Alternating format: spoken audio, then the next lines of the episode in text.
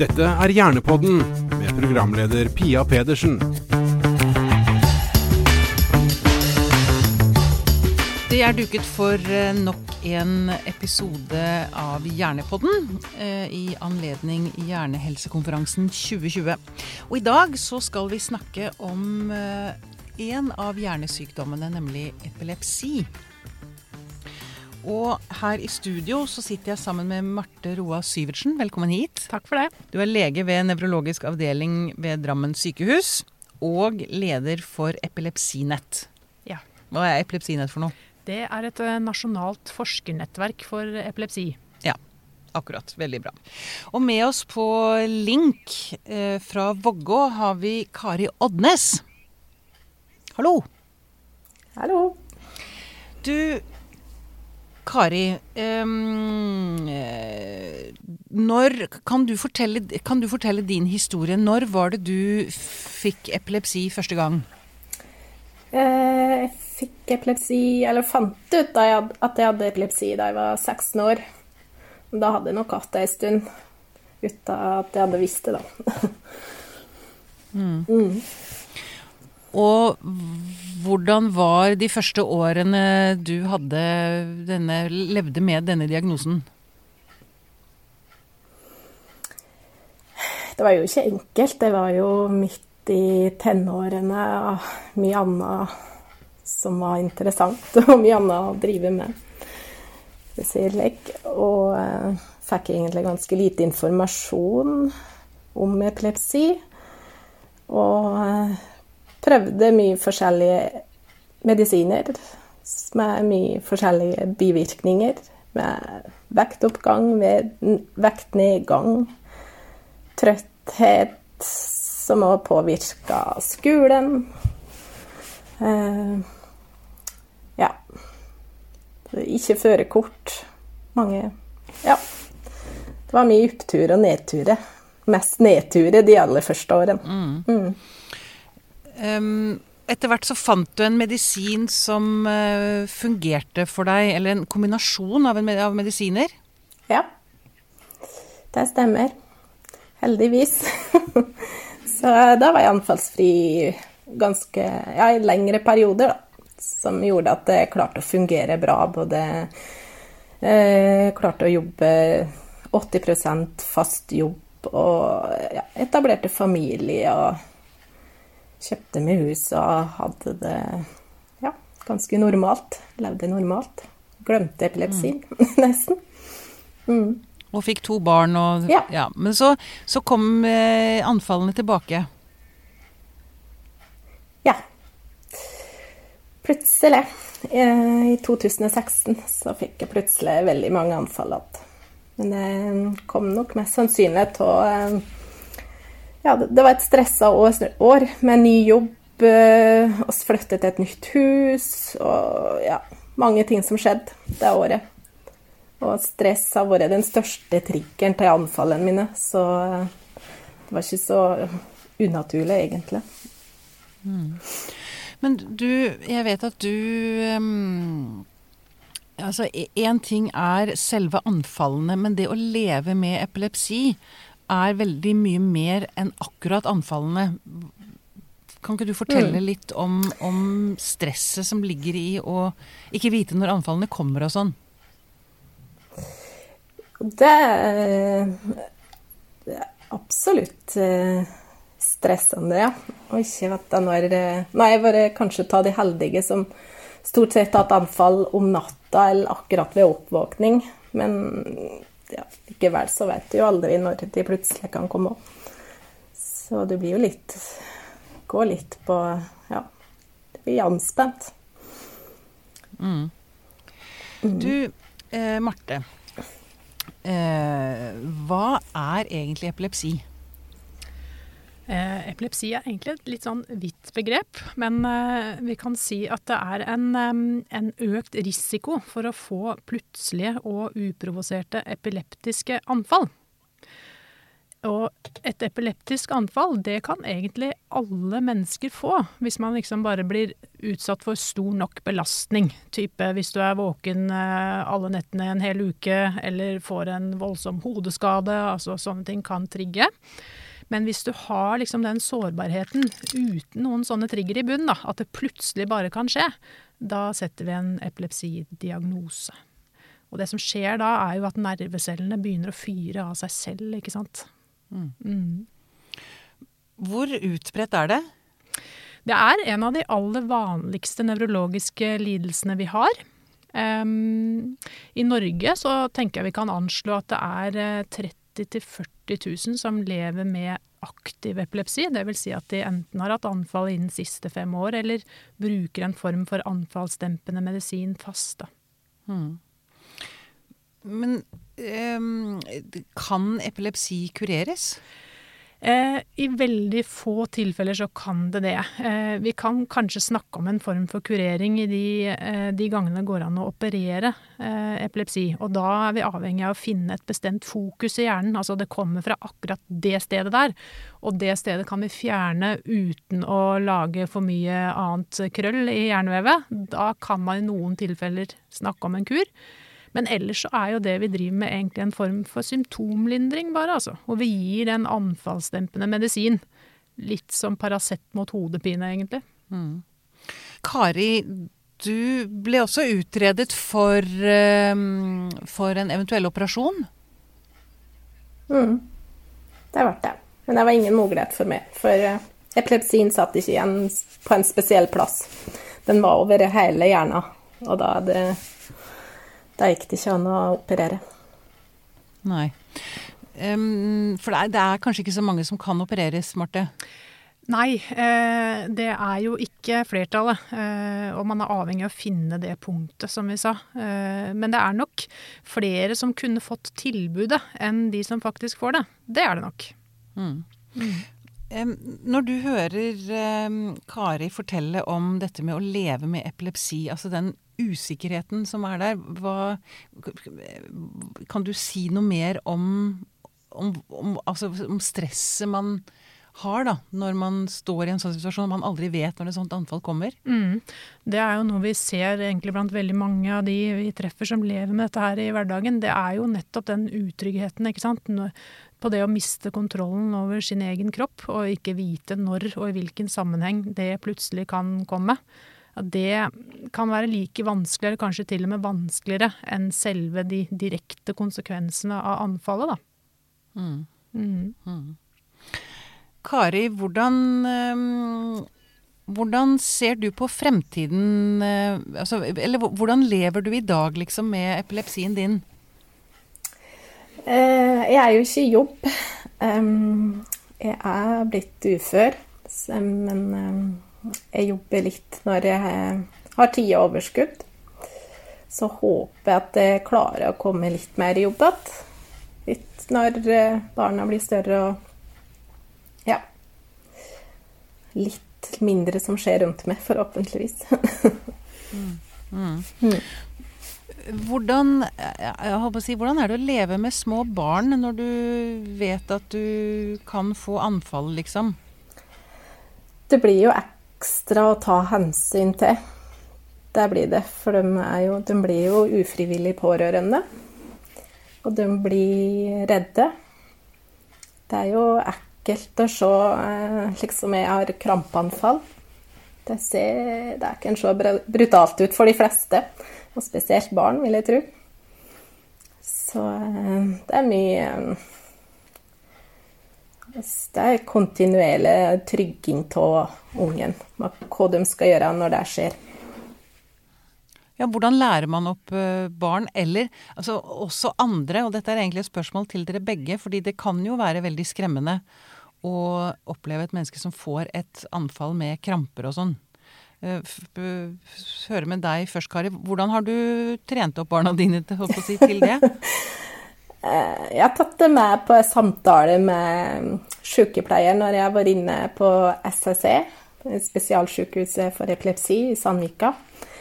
Eh, de har prata med Jeg har tatt det opp med barnehage og skole, så de vet om det og har prata med dem om det hvis de har hatt behov. Eh, og så prata veldig mye om det. Jeg har brukt eh, barnebøker om epilepsi eh, og lest dem. Og fortalt dem hva de skal gjøre, mange ganger. hva de skal gjøre. Da må de ringe andre hvis de er alene med meg. Og, Har det skjedd, eller? Og få hjelp.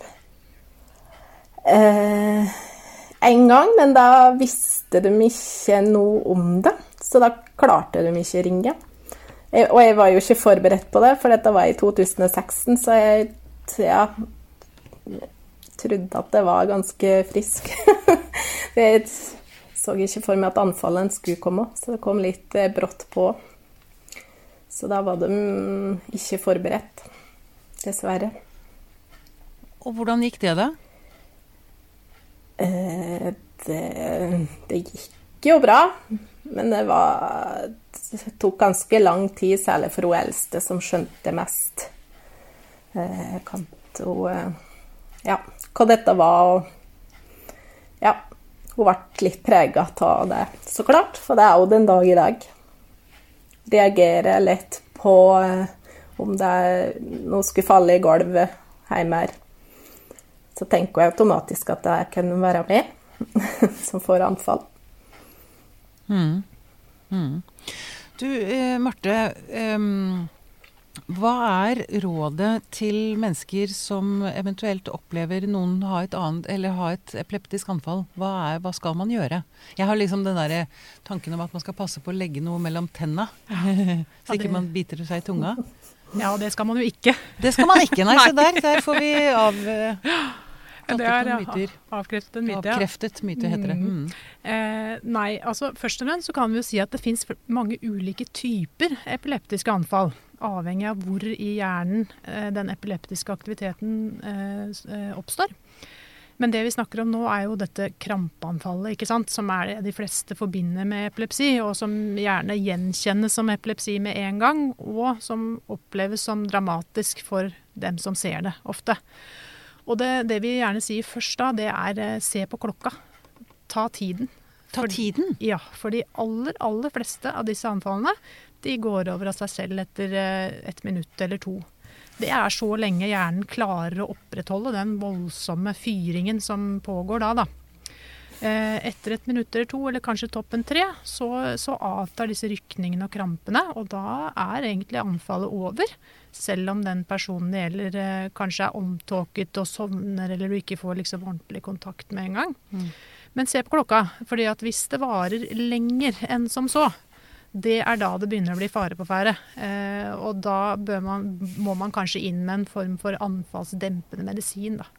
Men det er ytterst sjelden at det ikke går over av seg selv. Ja, Men hvis man går forbi en på gata eller hvor som helst, at du ser, du skjønner at det er et epileptisk anfall, skal man gjøre noe som helst? Skal man holde vedkommende? Skal man, altså, er det noe man skal gjøre rent sånn fysisk? Ja, altså først og fremst hvis jeg hadde kommet over en som jeg ikke kjente eh, tilfeldig på gata, så ville jeg jo tilkalt ambulansen med en gang. For da ja. har du ikke noe informasjon om det mennesket. Hva har trigget dette her? Er det noe vi vet om fra før, eller er det noe annet akutt som bør eh, tas hensyn til? Eh, men eh, ellers så gjelder jo å egentlig beholde roen. Og så sørge for at den personen ikke slår seg. da. At man liksom ikke dulter borti noe eller ruller ned fra et eller annet høyt oppe, eller altså se an situasjonen den personen er i. Nettopp. Mm. Og ellers så er det ikke noe Det er liksom ikke Man skal ikke holde, holde vedkommende fast eller uh, prøve å dempe noe eller liksom Nei, det får du rett og slett ikke gjort. Det er Nei. voldsomme krefter som er i sving. Ja. Hver eneste lille muskel i kroppen eh, trekker seg sammen. Og, mm, og det, jeg har jo hørt historier om skuldre som har gått ut av ledd og diverse. Akkurat. Akkurat. Så det, man får ikke gjort så mye med egen muskelkraft, og det skal man ikke heller. Mm. Får du noe som helst eh, varsel, Kari, før, uh, før, et anfall? Nei, ingenting. Så det kan bare plutselig skje. det kan i teorien skje akkurat nå, liksom? Ja, egentlig. Lite sannsynlig, men uh, ja, i teorien. Og hvorfor er det lite sannsynlig? Nei, det er det er jo det at jeg stort sett har hatt anfall på natt eller ved oppvåkning. Det er veldig sjelden på dagtid. Ja, nettopp. Er, er, det vanlig, Marte, at man har det på natt og ved oppvåkning, eller er det bare er det spesielt for Kari? Det kommer også veldig an på typen epilepsi og årsaken til epilepsien hos den personen. Men uh, Kari forteller om en epilepsi som startet i ungdomsåra, tenåra. Og da er det veldig typisk at man er sårbar akkurat ved oppvåkning. Oh, ja. Overgangen fra søvn til våkenhet, da er de spesielt utsatte. Mm. Det er liksom ekstra tungt. Øh, vanskelig for hjernen å omstille seg. Akkurat. Mm. Ok.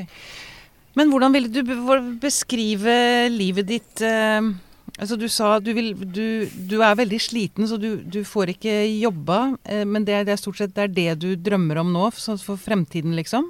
Ja, det vil jo ha så normalt liv som mulig, så klart. Men det er jo de kognitive utfordringer òg som er med og setter en liten stopper. Ja, fordi det også merker du kognitiv svikt, som, og som mm. kommer som en direkte følge av epilepsien? Ja, det veit de vel ikke om det er av epilepsi eller medisiner eller kombinasjon, men det er vel ganske vanlig i hvert fall eh, for oss med epilepsi, har jeg skjønt. Så oppmerksomhet Hvordan merker du det? Eh, på oppmerksomhet, konsentrasjon, det jeg sliter med, og uh, hukommelse. Og det at uh, ordet blir borte for meg midt i ei samtale. Helt vanlige ord. ja. Mm. Men betyr det også at du da trekker deg unna sosiale sammenhenger og sånn, eller? Uh... Ja, litt. Det har jeg nok gjort. Mm. Kan nok isolere meg litt for å unngå det. det, det er ikke så artig å stå i en samtale og føle seg litt dum. Ja, for det er det du gjør, du føler deg dum?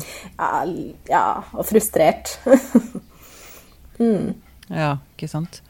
Men er det noe man kan gjøre for å trene opp disse kognitive evnene da, Marte? Det er det jo for så vidt alltid for oss, det. Um, og, og, da gjelder jo de samme tingene som for andre. At, eh, at eh, det å bruke hjernen er bra, og utfordre seg selv osv. Men eh, det som Kari sier her, det er jo veldig veldig typisk. Og det hører jeg mange som lever med epilepsi fortelle om. Disse her litt sånn mer skjulte utfordringene. Med hukommelse, med det også eh, kanskje tenke langsiktig framover og liksom se alle komponentene i en sånn eh, lang rekke osv. Eh, det som vi gjerne kaller for eksekutive funksjoner, da, mm. Eh, kan noen ganger være påvirka. Også språk, som vi har vært inne på. Mm. Og det kan eh, lage en del plunder i hverdagen, rett og slett. som noen ganger kan være vanskelig å sette fingeren på òg. Fordi epilepsi er jo en hjernesykdom. og da kan andre ting, andre hjernefunksjoner, også være påvirket, da. Ja, akkurat. Mm. Og det får man rett og slett ikke gjort noe med? Eh, Nei, ikke sånn direkte, altså. Og det er jo litt sånn eh, trist at det er sånn. Men, eh, men, så må man jo også jobbe for å gjøre det beste ut av de korta man har på bordet. Mm. Eh, og spille med det som ligger der. bruke hjelpemidler og nettverket sitt så godt man kan. Mm. Mm. mm. Ok. Um, Kari, er det noe du um, har lyst til å føye til um, Altså, det, dette, når, når, man ikke lever med epilepsi, um, så er det kanskje vanskelig å sette seg inn i hvordan livet er, da. Altså, vil du si at du har et godt liv? Ja, det vil jeg si. Det, uh, akkurat nå, i hvert fall. jeg har jo vært gjennom en del ups and downs, men um, det positive med å ikke være i jobb, er at jeg ser at jeg mestrer, mestrer hverdagen, mestrer å være mor. Og klarer å fungere mye bedre. Det er ikke så mye som skjer rundt meg. Det, det er roligere og mer forutsigbart. Og det, har, det har gitt meg mye mer livskvalitet. Rett og slett. Men for du, er du, du kjenner, kjenner du på bitterhet? Nei. Jeg, Ikke der jeg er nå. Det, jeg har sikkert, helt sikkert vært det. Mm. På eh, de verste nedturene så har jeg nok vært bitter, men eh, ikke der jeg er i dag. Det, jeg, jeg har vel funnet ut at det er ikke noen vits å være bitter. Må bare gjøre det beste ut av det. Du prøver kanskje å møte det med humor? Ja. Det er Ja, må bare Liksom når jeg har anfall, så blir jo jeg litt kan ta litt tid før jeg kommer til meg sjøl, og da kan jeg gjøre mye rare ting. Det, må, det tar jeg med et veldig stort smil, så, så er det ganske artig med de rare tingene jeg finner på da, f.eks. Som får rare ting som hva da? At det blir veldig fokusert på å ta opp barna mens de sover. Midt på natta, f.eks. Hvis jeg har anfall da. Ikke helt av grunn. Ja, akkurat. Jeg blir veldig opptatt av enkelte ting som jeg skal finne på når jeg har anfall, eller hatt anfall. Um, Ja. Og si mye rart. Ok. som ikke jeg husker sjøl i etterkant, men uh, dem rundt med. Fortell meg da. Mm. Ja, er, det, er det vanlig at, at hjernen altså er, det høres ut som hjernen liksom bare konker helt ut, og så man sier rare ting? Er det vanlig, Marte? Ja, absolutt. Det er jo akkurat det som skjer. At uh, hjernen ikke fungerer som normalt akkurat da. Og så typisk som Kari sier, at man husker det ikke ordentlig etterpå. ikke sant? Fordi det er evnen til å lagre ting fungerer heller ikke. Så da er vi liksom Det kan være to ting. Og det ene er jo dette her eh, etter et eh, krampeanfall eventuelt, hvor det går, er en sånn litt eh, lang fase før man får henta seg inn igjen, og man kan huske dårlig fra det og kanskje si og gjøre rare ting da. En annen ting er jo også sånne anfall som oppstår bare på et eh, begrenset område i hjernen. Da kan man også gjøre og si ting og oppføre seg helt annerledes enn det, det man vanligvis gjør. Og da er det et anfall, et pågående anfall da, som gjør det der. Ja, nettopp. Men hva, øh, hva skjer på forskningen nasjonalt og internasjonalt rundt øh, epilepsi? Det som, fokus som jeg kanskje syns er viktigst og mest spennende nå, da, det er jo det å gå liksom inn i årsakene. Hvorfor har det oppstått epilepsi hos akkurat dette mennesket? Og det kan jo være myriader av årsaker til det. Alt fra at det er arrvev etter et hjerneslag hos en eldre person, til at det er medfødt og genetisk og starter tidlig, tidlig i livet. Så alle ting som endrer på kommunikasjonen mellom hjernecellene, kan egentlig gi opphav til epileptiske anfall. Og, øh, men når vi ser liksom stort på det, så har vi bare funnet årsaken til omtrent sånn øh, ja, øh, hva er det, en tredjedel, en fjerdedel eller noe sånt av alle som har den diagnosen. Og da blir det jo vanskelig å gå inn med en spesifikk behandling, ikke sant? Hvis vi ikke vet hva som har forårsaket det. Så forskningen der, hvorfor oppstår det hos den enkelte? Og da sklir vi jo fort over i genetikken, ikke sant? Og genene. Men kommer man noe nærmere denne gåten?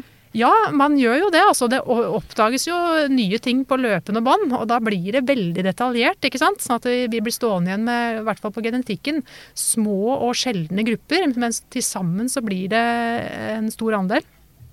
Og da kan man begynne å snakke om skreddersydd behandling og gå inn ikke sant, på akkurat funksjonen til det ene genet og det proteinet som det lager osv.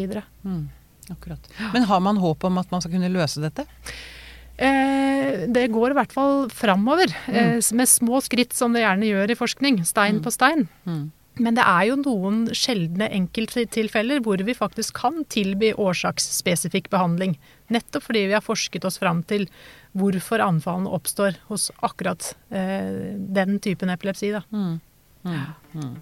Da sier jeg bare takk til Kari Odnes og Marte Roa Syvertsen, og krysser fingrene for at man finner løsningen på denne gåten. Det gjør vi òg. Ja.